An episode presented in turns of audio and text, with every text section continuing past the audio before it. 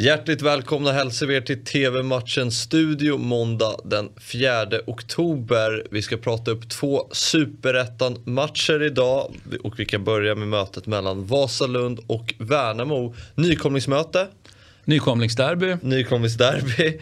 Men uh, ja, det är två lag som presterat, två nykomlingar som har presterat lite olika får man säga. Värnamo toppar tabellen, Vasalund på en jumboplats. Ja, det, det, det, är ju alltid eh, per definition häftigt när ettan möter jumbo, liksom, mm. kan jag tycka. Så att, eh, ja, men jag säger att det är en spännande match. Gäller ju onekligen någonting för kanske framför allt jumbon då som väl förhoppningsvis inte har gett upp hoppet än utan ändå tror att man med lite flyt ska kunna kriga sig uppåt i tabellen. Mm. Ja, viktiga poäng på spel som du sa.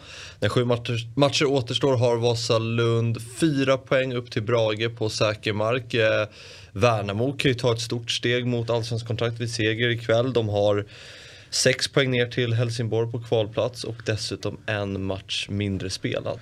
Ja, vi får väl se. Eh, alla är väl någonstans eh, mer eller mindre överens om att ja, men nu går, nu går alltså det här vinner Värnamo. Inte den här matchen bara, utan att man vinner även serien. Och vi får väl se om de får den här eh, frossan. Det, det är alltid spännande att se när saker och ting är mer eller mindre klara. Som du pratar om så är det sju omgångar kvar. Man kan se målsnöret eh, och då kan man få frossan. Mm. Och fantastisk resa de har gjort. Tog klivet upp från division 1 södra förra säsongen, mm. nu på väg upp till allsvenskan.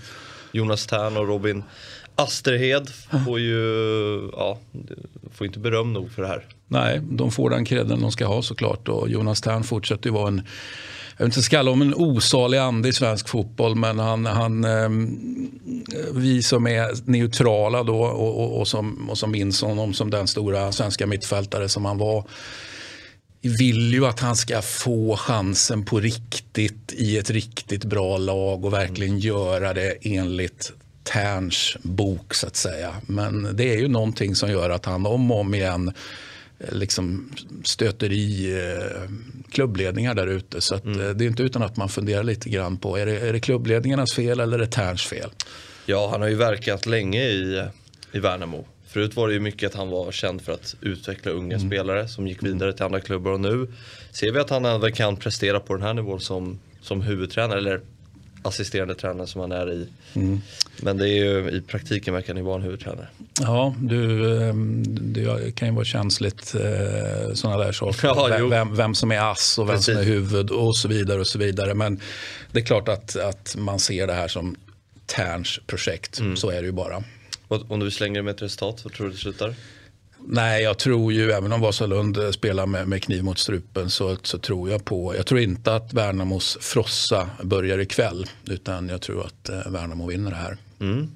Och då tar man alltså ett väldigt stort steg mot det allsvenska kontraktet. 19.00 alltså, ni ser matchen på Discovery+. Nu till Brage Öster eh, som eh, Ja, tampas eh, båda lagen längre ner i tabellen om man jämför med, med eh, Värnamo i alla fall. Brage som vi nyss nämnde ligger på stabil mark. Har gjort eh, helt okej okay på sistone. Man besegrade ju Vasalund senast med 3-0. De, det, och det finns ganska mycket bra spelare i det här laget. Leonard Plana är en spelare som gjort 10 mål så här långt. Eh, Öster är inne i en ganska bra period. Fem raka matcher utan förlust. De var ju nere där och tampades ett tag men nu har de hamnat på lite mer stabil mark i tabellen. Um, så ja, vad tror du om den här matchen? Eh, ja, men återigen spännande. Det är ju två, två ja, men någon slags klassiker i klassikerderby. I, i, klassikerderby ja, någon slags eh, klassiska lag i svensk fotboll i alla fall får man ju säga. Där ju såklart Öster kanske är mer har firat större triumfer. Och, eh, alltså Växjö är ju en väldigt eh, framgångsrik och fin idrottsstad. Så att, eh, jag kan tycka lite dråpligt. Tidigare var det ju så liksom att fotbollen höll fanan. Andra sporter mm. hade inte riktigt kommit lika långt. Nu är det lite grann tvärtom. Det är andra sporter som håller fanan kanske högre. Eh, och Öster liksom, eh, simmar omkring och, och, och, drömmer väl såklart om allsvenskan. Det, ska inte, det finns ju inget annat såklart för Öster. Så att, eh, låt oss hoppas att Öster sakta men säkert då, eh, tar sig mm. tillbaka till allsvenskan. Ja, det har varit väldigt struliga år. Man åkte ur 2013. Sen har man ju till och med åkt ner till division 1. Mm. för man byggde ju den här nya arenan, Myre sjöhus. Och det har ju inte gett det där sportsliga lyftet som man nog trodde Nej. skulle göra. Nej, Nej vi får se eh, vad, vad framtiden eh, bär i sitt sköte helt enkelt. Mm.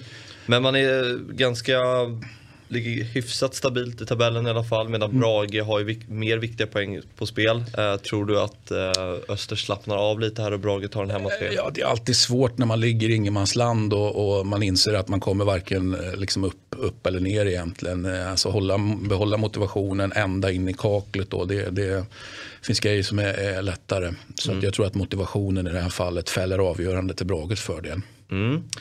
Får vi se om Kleber Särenpää får fira tre poäng i kväll, huvudtränaren Brage. Det var allt för idag. TV-matchens studio är tillbaka imorgon igen. Tack!